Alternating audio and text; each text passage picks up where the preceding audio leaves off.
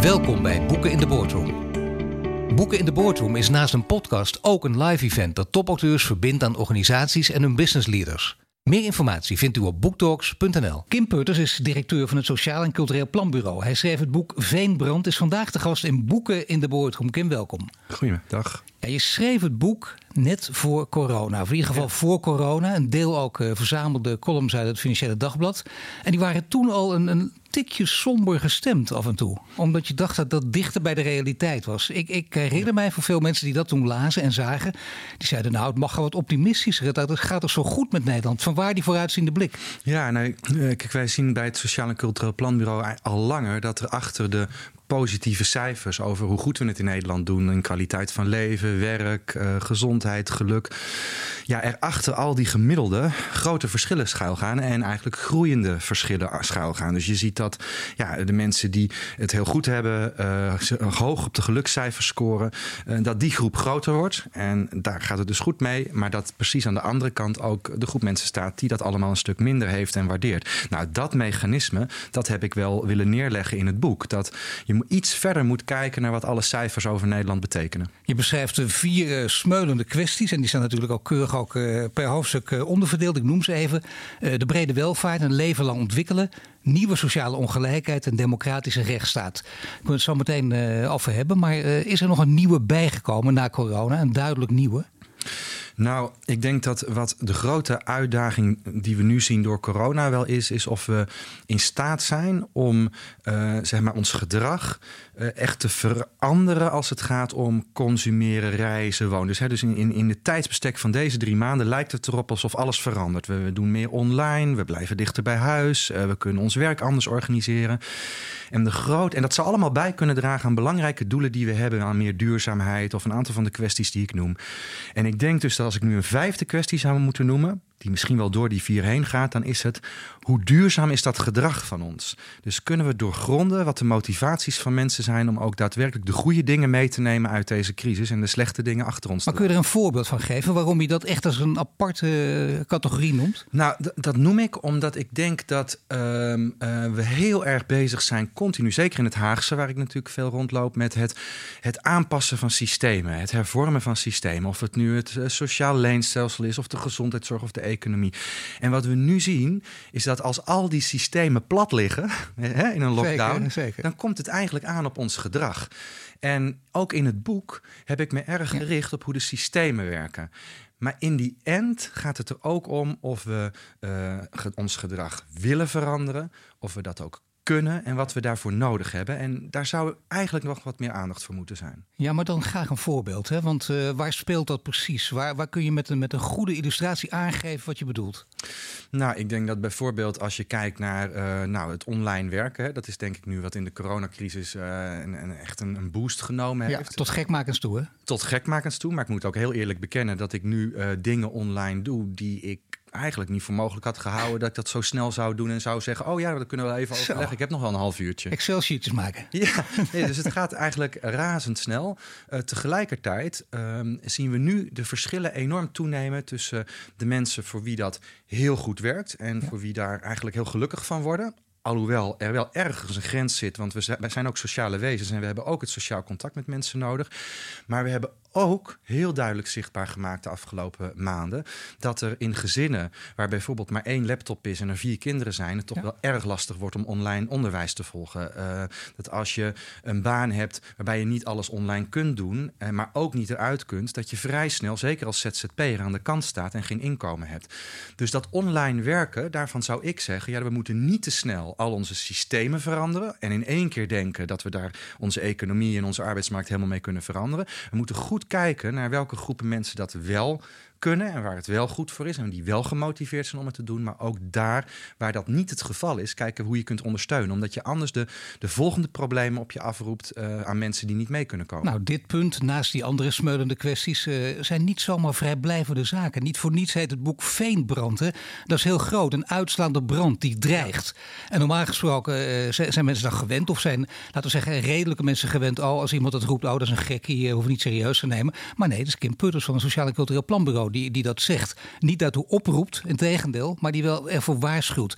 Maar hoe zou dat er dan uitzien? Want hoe ziet zo'n veenbrand eruit, zo'n uitslaande brand, als het echt allemaal misdreigt te gaan? Nou, ehm, vlak na het uitkomen van het boek uh, was eigenlijk wel jammer dat ik die column er niet meer uh, in uh, heb kunnen zetten. Maar heb ik er nog één geschreven en daar stond boven: er hangen in Nederland veel gele hesjes aan de kapstok. En dat was precies de periode ja. waarin de demonstraties in Parijs, in België en in andere landen om ons heen begonnen. In Nederland ja. was het nog beperkt beperkt. Uh, en was er ook nog zo'n, zeker in Den Haag, zo'n sfeer van ja. maar dat is niet Nederland. Hè? Die GLS, dat, dat is niet, zo erg is het bij ons niet. Ja. Nou, in, in, mijn boek laat ik eigenlijk precies zien dat in Parijs de mensen over dezelfde kwesties op straat staan als waar ik over schrijf. Wij leven in een ander land. Misschien zijn er verschillen bij ons wat minder groot dan in Parijs. Maar, en dat was mijn redenering, er hangen in Nederland ook heel wat GLS'jes op de kapstok. En vervolgens in het jaar dat we daarna gehad hebben, en het lijkt allemaal al heel lang geleden, uh, hebben we heel wat demonstraties voorbij zien komen komen. Hebben we heel wat discussies gekregen over het onbehagen in onze samenleving. Niet alleen over de politiek, ook over bedrijven. Eh, dus ook de boardrooms van bedrijven moeten dit, zich aantrekken. Van, zijn die bedrijven er ook voor mij? Handelen ze ook in mijn belang, in belang van mijn werk, mijn inkomen? Die vraag die is bij steeds meer Nederlanders steeds sterker op tafel komen te liggen. Dus uh, ja, uh, eigenlijk um, kwam mijn boek uit uh, op een moment dat daarna die veenbrand op sommige plekken in de wereld al aan het uitslaan was. En in Nederland langzaam maar zeker ook wat sterker kwam. Maar veenbrand betekent uiteindelijk, als je kijkt naar de gele hesjes en naar de echte excessen, dat betekent dat is nog een begin aan de randen van de stad. Dan hebben, laten we zeggen, de mensen van de boordom of die zich daaraan gelieerd voelen, hebben er nog weinig last van. Die zien dat nog steeds op tv, ook al is het in hun eigen stad, maar het komt er wel dichterbij. En dat kan dus tot, in het uiterste geval, tot, tot een revolutie leiden. Ja, en het heeft te maken met. Ja, maar echt tot een revolutie zelfs? Uh, nou. Nou, nu, nu, uh, nu hou je me wel wat. Nee, maar het is niet om vervelend nee, 1-0 eentje te scoren nee, ook. Nee, maar gewoon even, dit is, dit is ja. duidelijk als een gedachteoefening. En dat, dat, gaat, dat is, zou te gek zijn. Deze context hoort er zeker bij, anders kunnen we niet praten. Ja. Maar dat zou dus wel kunnen. Ja, kijk, ik denk dat. Nou ja, ik, ik bedoel, de, de demonstraties in Parijs gingen er niet lichtzinnig aan toe. En nou is Nederland niet een land van revoluties. Uh, we zijn natuurlijk meer een land van polderen. Maar het kan de zaak wel op scherp zetten. En in ieder geval om twee redenen waarom ik denk dat we ons wel zorgen moeten maken. De eerste is wanneer mensen het gevoel hebben dat sociale rechtvaardigheid steeds verder onder druk komt staan. Dus dat er een groepje mensen is dat heel veel profiteert van een sterke economie en van alle ontwikkelingen waar Nederland zo goed in is, ja. maar een steeds groter deel eigenlijk niet. Uh, dan komt eigenlijk het systeem steeds meer onder druk te staan. En dan komt ook de politiek onder druk te staan. Want mensen hebben er minder vertrouwen in dat de vraagstukken eerlijk opgelost worden. Dat is één. En het tweede grote vraagstuk is: heb je het gevoel dat je er zelf ook een beetje invloed op hebt. Dus ja, we gaan stemmen één keer in de vier jaar. Ja, is dat dan voldoende om de boel een beetje bij te sturen naar de manier waarop jij dat graag zou zien als burger of als bedrijf? Nou, en die twee zaken, ja, die staan ook in Nederland onder druk. Dus ik vind, kijk, ik zal niet zo snel zeggen van nou, er, breekt een revolutie uit en we gaan het binnenhof bestormen. Dat zie ik in Nederland niet zo snel gebeuren. Maar ik denk wel dat als de politiek die twee zaken niet serieus neemt, sociale rechtvaardigheid en inspraak van burgers, dat, dat het systeem steeds meer onder druk komt. Nou, we zagen afgelopen weken natuurlijk wel, onlangs ook nog in Rotterdam, wel oproepen tot plunderingen, waar de politie van geschrokken is. En ook zei, we zullen zichtbaar en onzichtbaar gaan handhaven. Dat hadden we niet zo snel nee. daarvoor gezien in nee, Nederland. Dus... Dan kun je zeggen dat zijn excessen. Maar ja, als je dat gaat relativeren, is er weer niks aan de hand. Nee, nou, kijk, relativeren doe ik niet, want dan had ik dit boek ook niet geschreven. Dus ik Zeker. Dat je, kijk, nou, laat ik eerlijk zeggen, uh, ook uh, deze coronacrisis. Ja, weet je, drie maanden geleden had ik ook niet gedacht dat, dat we mee zouden maken wat we nu hebben meegemaakt. En dat we heel veel vrijheden inleveren en dat de overheid heel veel taken naar zich toe trekt. Dus ja, ook het ondenkbare is in Nederland denkbaar uiteindelijk. Um, maar het is belangrijk, denk ik, om als verschil ten opzichte van een aantal andere landen er wel bij te zeggen dat Nederland nog steeds een high trust society is. Dat zeg, dus met hoog vertrouwen in economische en politieke instituties. Dat zeg ik niet ter relativering, maar dat zeg ik omdat mensen uh, uiteindelijk graag vertrouwen willen hebben in de leiders van die organisaties en instituties. Omdat niet iedereen op de stoel van een CEO wil zitten en ook niet iedereen in de politiek wil zitten. Nee. Dus we leggen dat ook wel graag daar neer waar beslissingen genomen worden. Dit programma, heet boek, dit programma heet Boek in de Boordsom. Laten we het uh, bijvoorbeeld nu even voor het gemak tot uh, de CEO beperken. CEO's, uh, is mijn ervaring vaak, hebben moeite om naar buiten te treden. Want zeggen ze, dat hebben wij niet nodig. Dat is eigenlijk de arrogante reactie. Dan vervolgens treden ze wel naar buiten. Dan schrikken ze vaak van hoe ze door de media behandeld behandeld worden, zo noemen ze het dan. Want altijd gaat het weer over de bonussen. En dat is belangrijk, daar moet je het over hebben. Maar het is inderdaad uh, gemakkelijk om het daar alleen over te hebben. Dan kijk je niet naar onderstromen, waar het werkelijk over gaat. Wat, wat zou de CEO zich daadwerkelijk wel moeten aantrekken? Je hebt net al iets verteld, hè? maar zich echt moeten aantrekken van wat er in de samenleving leeft. Ja, nou sowieso. Uh, hoge bomen vangen veel wind. Dus ja, dit zul je moeten accepteren als CEO. En als eh, aandeelhouders het te risicovol vinden om in een televisieprogramma of op de radio of in de krant uh, te spreken over een verandering van verdienmodellen die ook rekening houden, moeten houden met het klimaat of uh, met de salarissen aan de onderkant die niet te ver mogen afwijken van de bovenkant, hè, om, om dat soort kwesties maar te noemen, ja. dan zul je toch je aandeelhouders moeten uitleggen dat dat uiteindelijk geen houdbaar model is. Dus ja, dat is het lot, denk ik, van een CEO. Uh, om uh, wel die nek uit te steken. En ik denk dus dat je in ieder geval, ik noem al een paar thema's, op een paar thema's je de komende tijd echt uit zou moeten spreken. En het ene is de, toch de duurzaamheid van je verdienmodel. Uh, want dat is namelijk ook de legitimatie om te veranderen. Hè? En dat, je ziet dat natuurlijk zowel bij de grote bedrijven als Shell ook gebeuren. Ja. Ik vind dat iemand als Marjan van Loon heel actief de afgelopen uh, anderhalf, twee jaar via YouTube en podcast probeert uit te leggen. En ook bij Buitenhof bijvoorbeeld probeert uit te leggen Zeker. wat ze aan het doen is. Nou, ook al gaat het dan voortdurend over greenwashing, daar moet ze ook tegen kunnen hoor. Ja, en, en, en het is nou niet zo dat het er nou uh, overal in dank afgenomen wordt. Nee. Hè? Dus, maar ze doet het wel. Uh, nou, dat vind ik dan wel. En Fijke Siebesma deed dat ook toen hij bij DSM zat. En, maar dat zijn een Had die had, die had ook meer recht van spreken, zeggen mensen. Hè? Dat, maar het maakt wel een verschil. Nou, ik weet niet of hij meer recht van spreken had. Hij heeft door zijn lange tijd bij DSM heeft hij gedaan wat hij zegt. Maar we hebben ook mensen nodig die aan het roer staan en die zeggen: ik ga de verandering aan. Dus ik zou niet eens zoveel verschil willen maken tussen precies ja, uh, waar het bedrijf nou helemaal vandaan komt. Maar als jij CEO bent, heb je wel een opdracht om het bedrijf verder te brengen uh, de toekomst in. Ja, en dat kan volgens mij niet als je die sociale rechtvaardigheid sterker onder druk zet. Dus dat gaat gewoon over hoe ga je om met tijdelijke contracten? Hoe ga je om met uh, bedrijven om je heen die ZZP'er zijn en die wel gelinkt zijn aan je bedrijf? Of hoe ga je met duurzaamheid om? En ook, ja, hoe, van wie is je bedrijf eigenlijk? Hè? Dus hebben je werknemers iets te zeggen? Uh, hoe deel je de zeggenschap? En is het ook een gevoel van gezamenlijke uh, bedrijvigheid die je aan het ontplooien bent? Ik denk dat die twee dingen uh, ontzettend belangrijk zijn om daar je nek op uit te Dus ook meedenken aan maatschappelijke kwesties, ook meedenken aan definiëring. Want zo onbelangrijk is dat niet. Hoe noem je iets en wat voor systeem leven wij? Nieuwe vormen van kapitalisme ook onderzoeken en bedenken. En dat niet alleen maar als een soort gedachtenspelletje zien. Hè? Nee, en vooral in Nederland. Weet je, de, de, de Um, dat vind ik het, het, ook het interessante aan deze tijd. Kijk, wij hebben in Nederland natuurlijk een historie waarin de overheid helemaal niet de enige dominante uh, partij is die bepaalt wat publiek belang precies is. We hebben een historie waarin het bedrijfsleven een ongelooflijk belangrijke rol gespeeld heeft bij de vormgeving van onze samenleving, bij ons sociale stelsel, uh, maar ook de maatschappelijke organisatie. Frits Philips, Anton Dreesman, ja, om eens een paar te noemen. De oorsprong ja. ligt in het meehelpen opbouwen van onze samenleving. Uh, nou, als dat zeg maar ons achter, of hè, onze historie, ons achterland is, ja, dan denk ik dat we daar de, de dag van vandaag eens even moeten bedenken van wat, wat betekent dat eigenlijk nog? Nou, ik weet dat bijvoorbeeld binnen het MKB uh, wordt er wel echt weer over nagedacht. Hoe kunnen we de maatschappelijke waarde van onze MKB'ers beter zichtbaar maken? Want die is er natuurlijk vaak wel. Niet alleen dat eendimensionale eigen belang naar nee. voren halen, maar zien dat het een publiek belang ja. is. Bijvoorbeeld dat een binnenstad uh, verpaupert en ten onder gaat. Dat gaat ons allen aan. Dat is ons allemaal belangrijk. Precies. En je kunt dan niet alleen zeggen dat is van de overheid. Ja. Want dan wordt de overheid ook het putje van, van alle problemen. En dat is het. Kijk, dus, dat kan. Maar dan moeten we ook accepteren dat de overheid een grotere broek aan gaat trekken. Als we een land willen waarin de macht een beetje verdeeld is tussen de overheid, bedrijven en burgers zelf, ja, dan moet je ook accepteren dat je allebei verantwoordelijkheid neemt en ook af en toe stap naar voren zet. Daarom ben ik echt wel blij als CEO's dat doen. Ja. Maar ja, deze coronacrisis geeft natuurlijk wat anders aan. Hè? De rol van de overheid wordt steeds groter. Uh, er komt zelfs een coronawet aan. Hoop gedoe daarom. Gelukkig ook maar, zou ik zeggen. Dat kan ook niet anders. Het is nogal ingrijpend. Hoe denkt Kim Putters daarover? Nou, je kunt je Niet als persoon, maar in, in als, ja. in, als functionaris nu. Nou ja, je kunt je uh, een paar dingen afvragen. Namelijk, uh, en de, de, die vraag die heeft Herman Schenk Willink niet, niet, zo lang geleden ook gesteld in Buitenhof.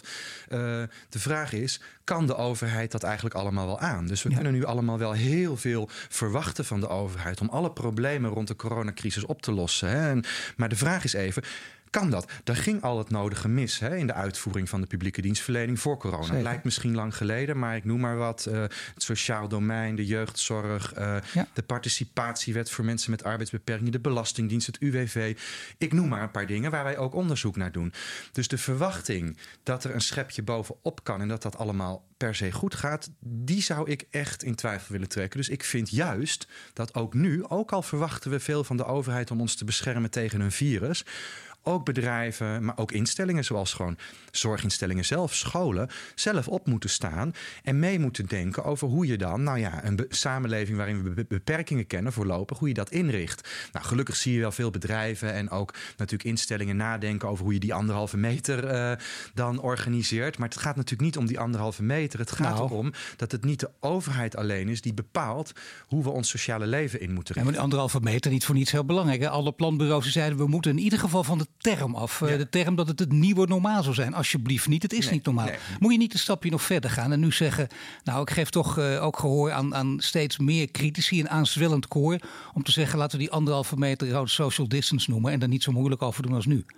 Ehm, ja, sowieso heb ik ook moeite met de term social distance. Ja. Omdat het gaat om fysieke dist- eh, distance en niet om sociale afstand. Dat is nou juist het probleem. Dat we allemaal sociale wezens zijn. En dat je niet, niet van mensen mag verwachten om geen sociaal contact meer met elkaar te hebben. Dus die term is ook niet de goede. Kijk, die anderhalve meter is een probleem omdat het niet altijd kan. En nou ja, weet je, het meest duidelijk is dat natuurlijk in de zorg of me- voor mensen met verstandelijke beperkingen of, of die mensen met dementie.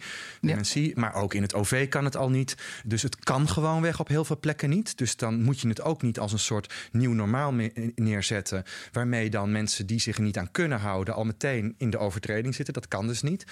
Vervolgens eh, is er ook een probleem, omdat ehm, het kan niet je eindsituatie zijn. Hè? Het is een tijdelijke maatregel om, om afstand te houden tot elkaar.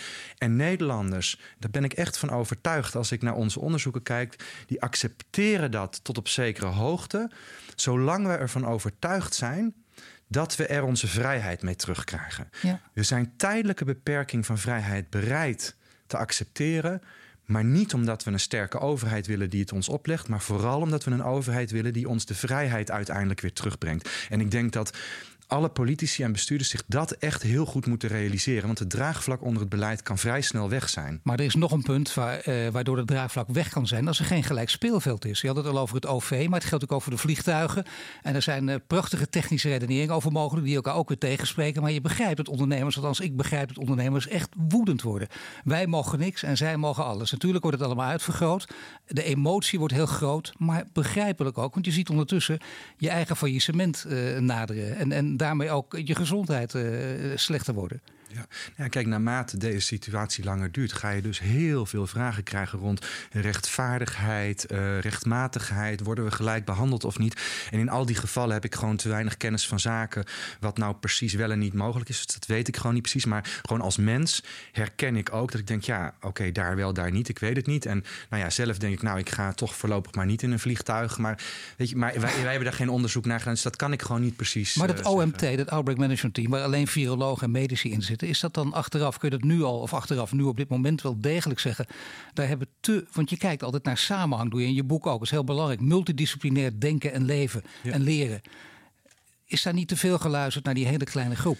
Nou, ehm, dat, ik, ik ga antwoord geven onder welke eh, randvoorwaarden je bijvoorbeeld bij een, een, zeg maar een nieuwe opleving van het virus breder dan alleen Zeker. epidemiologie en, en medisch kan kijken. Maar daarover, ik wil toch zeggen dat ik dat moeilijk te beantwoorden vind, omdat op het moment dat een virus zoveel mensen bedreigt in hun leven ehm, en er politici zijn die proberen te varen op deskundige oordelen, is het heel moeilijk om vanaf de zijlijn te zeggen dat moet je vooral niet leidend laten zijn. Dat vind ik echt ingewikkeld. Dus ik ben ook zelf wel heel erg eh, blij mee dat er wel teruggekeken wordt, lessen getrokken worden en we open en eerlijk met elkaar kunnen kijken. Stel het gebeurt nog een keer, zou je dan eerder gedragswetenschappelijke kennis Het is overigens niet zo dat die kennis niet op tafel heeft gelegen. Want als planbureaus, uh, alle drie, uh, hebben ja. wij vanaf maart steeds kennis gedeeld. Dus het gaat ook om de bereidheid om het mee te willen wegen in de besluitvorming. Maar hadden er niet een paar mensen van de, van de planbureaus gewoon ook dus in dat OMT,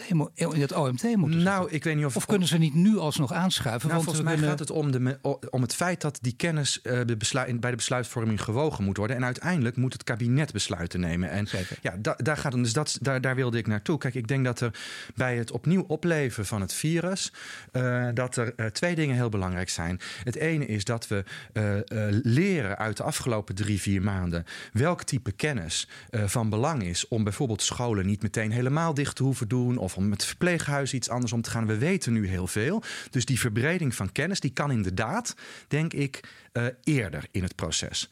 Het tweede is. En dat is misschien voor iemand van een onderzoeksinstituut dan toch uh, uh, opmerkelijk om te zeggen. Wij gaan het niet tot in detail voor kunnen voorspellen. Kijk, de politiek heeft een eigen verantwoordelijkheid. Dus het land wordt niet bestuurd door wetenschappers.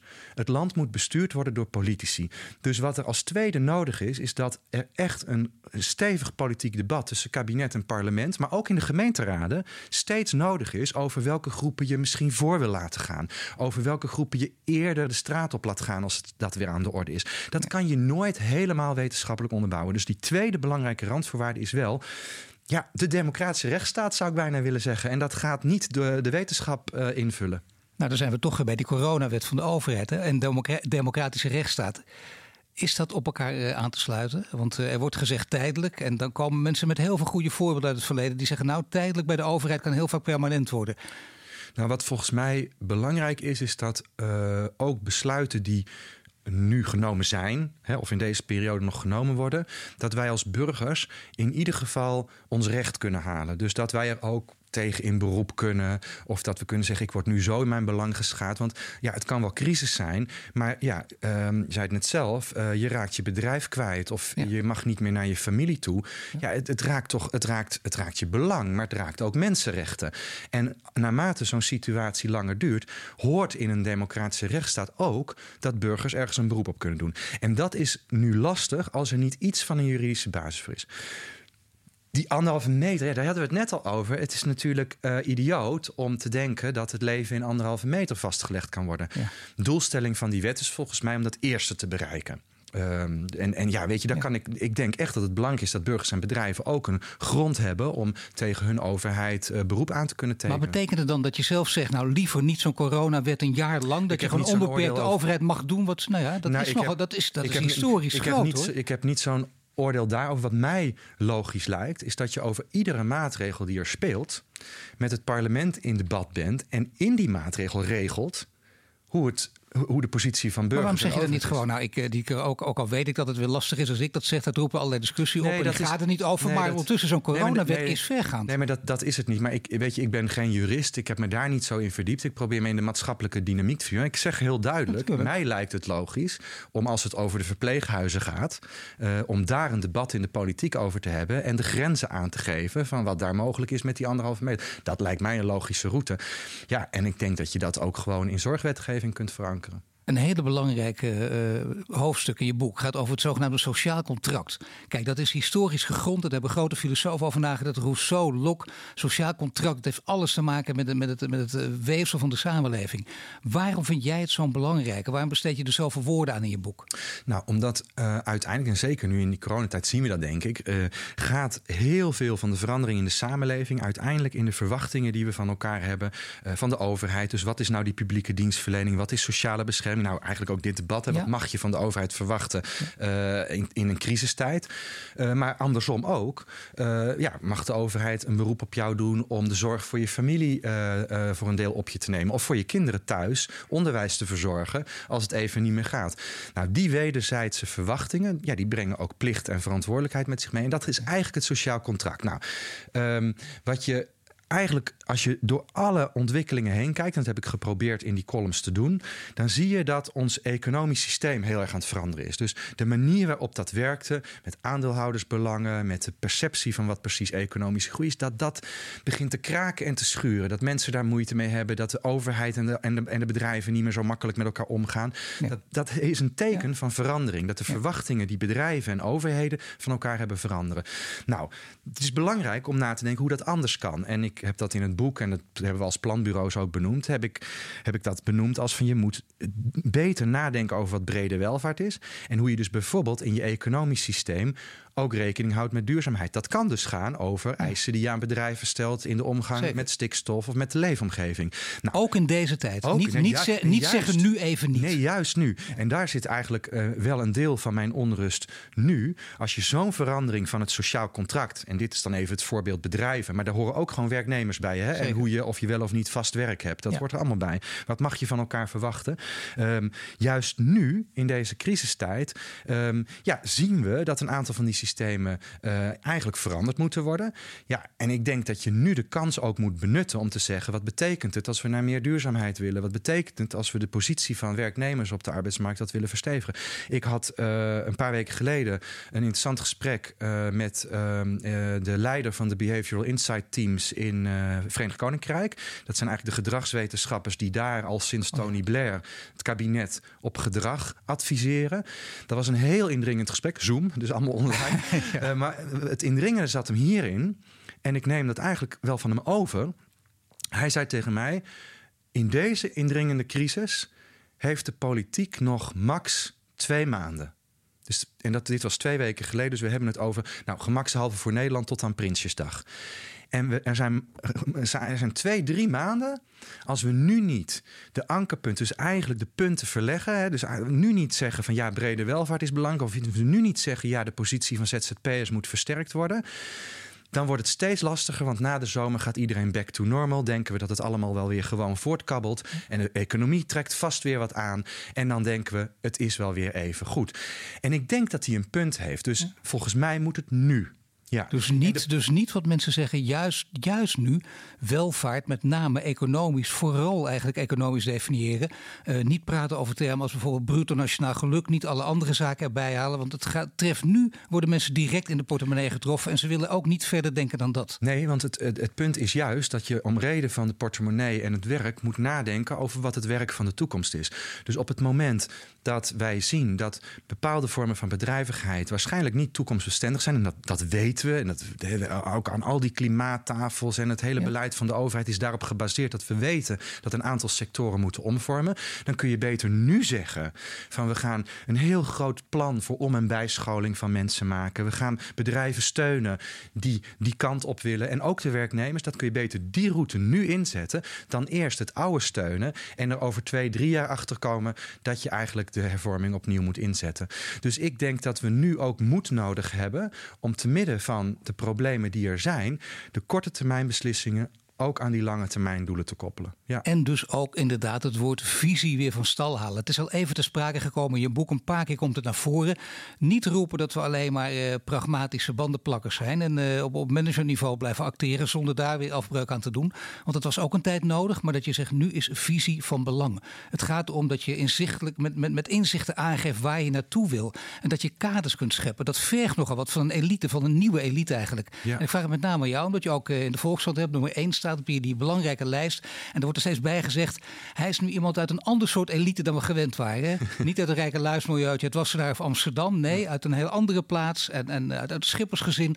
Dat maakt je betrouwbaarder. Dat, dat betekent dus dat een elite ook uit andere kringen gevormd kan worden. Of denk je dat je nog steeds een, een, een laten we zeggen, een witte zwaan bent? Uh, nee, in, in, Nederland is het wel zo dat, uh, nou ja, het staat onder druk, maar je van een, kwart, eh, een dubbeltje een kwartje kunt worden. Hè? Maar alhoewel we wel zien dat uh, alleen met hard studeren en werken, ook in Nederland, je er niet meer komt. Dat je de goede contacten moet hebben, et cetera. Dus dat staat onder Zeker. druk. Maar we zijn wel een land waarin dat heel lang het geval is geweest. En nou, zie mezelf maar een beetje als het product daarvan dat je dat kunt bereiken. En zo zitten er meer mensen in, in zeg maar, posities in bedrijven en in de overheid in Nederland. Maar het is wel echt ontzettend belangrijk dat uh, mensen op leidende posities hun nek uit uitsteken en visie tonen. Kijk, een visie is in Nederland altijd ingewikkeld. Hè? Uh, Minister-president vindt het ook een ingewikkeld woord. En in een polderland. Hij, lijkt, wel... hij lijkt aan het schuiven. Ja, ja, nee, nou, nou, ja, hij heeft het al. Hij heeft het al, hij heeft volgens mij ook veel meer dan, dan dat hij benoemt. En dat heeft alles te maken met het feit dat in een polderland je weet dat je altijd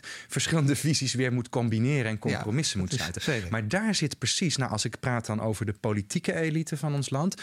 Ik denk dat, dat die ervoor moet gaan staan dat een compromis ook uit visie kan bestaan. En dat dat nou eenmaal noodzakelijk is. In, als je tenminste iedereen een beetje mee wil laten doen in ons land. Hè. Dus het is niet alleen maar een probleem dat we een compromis moeten sluiten. Maar het is ook een groot goed. In Amerika staan er meer mensen aan de kant als er een president gekozen wordt dan in Nederland wanneer er een kabinet uh, gevormd wordt. Dus in die zin is dat. Maar ik ben wel echt wel uh, eens dat er meer visie door uh, ook vanuit het bedrijfsleven en de overheid moet komen. In, in, de, in de onderzoeken van het SCP zien we eigenlijk aan waar zitten nou de grootste onzekerheden van mensen.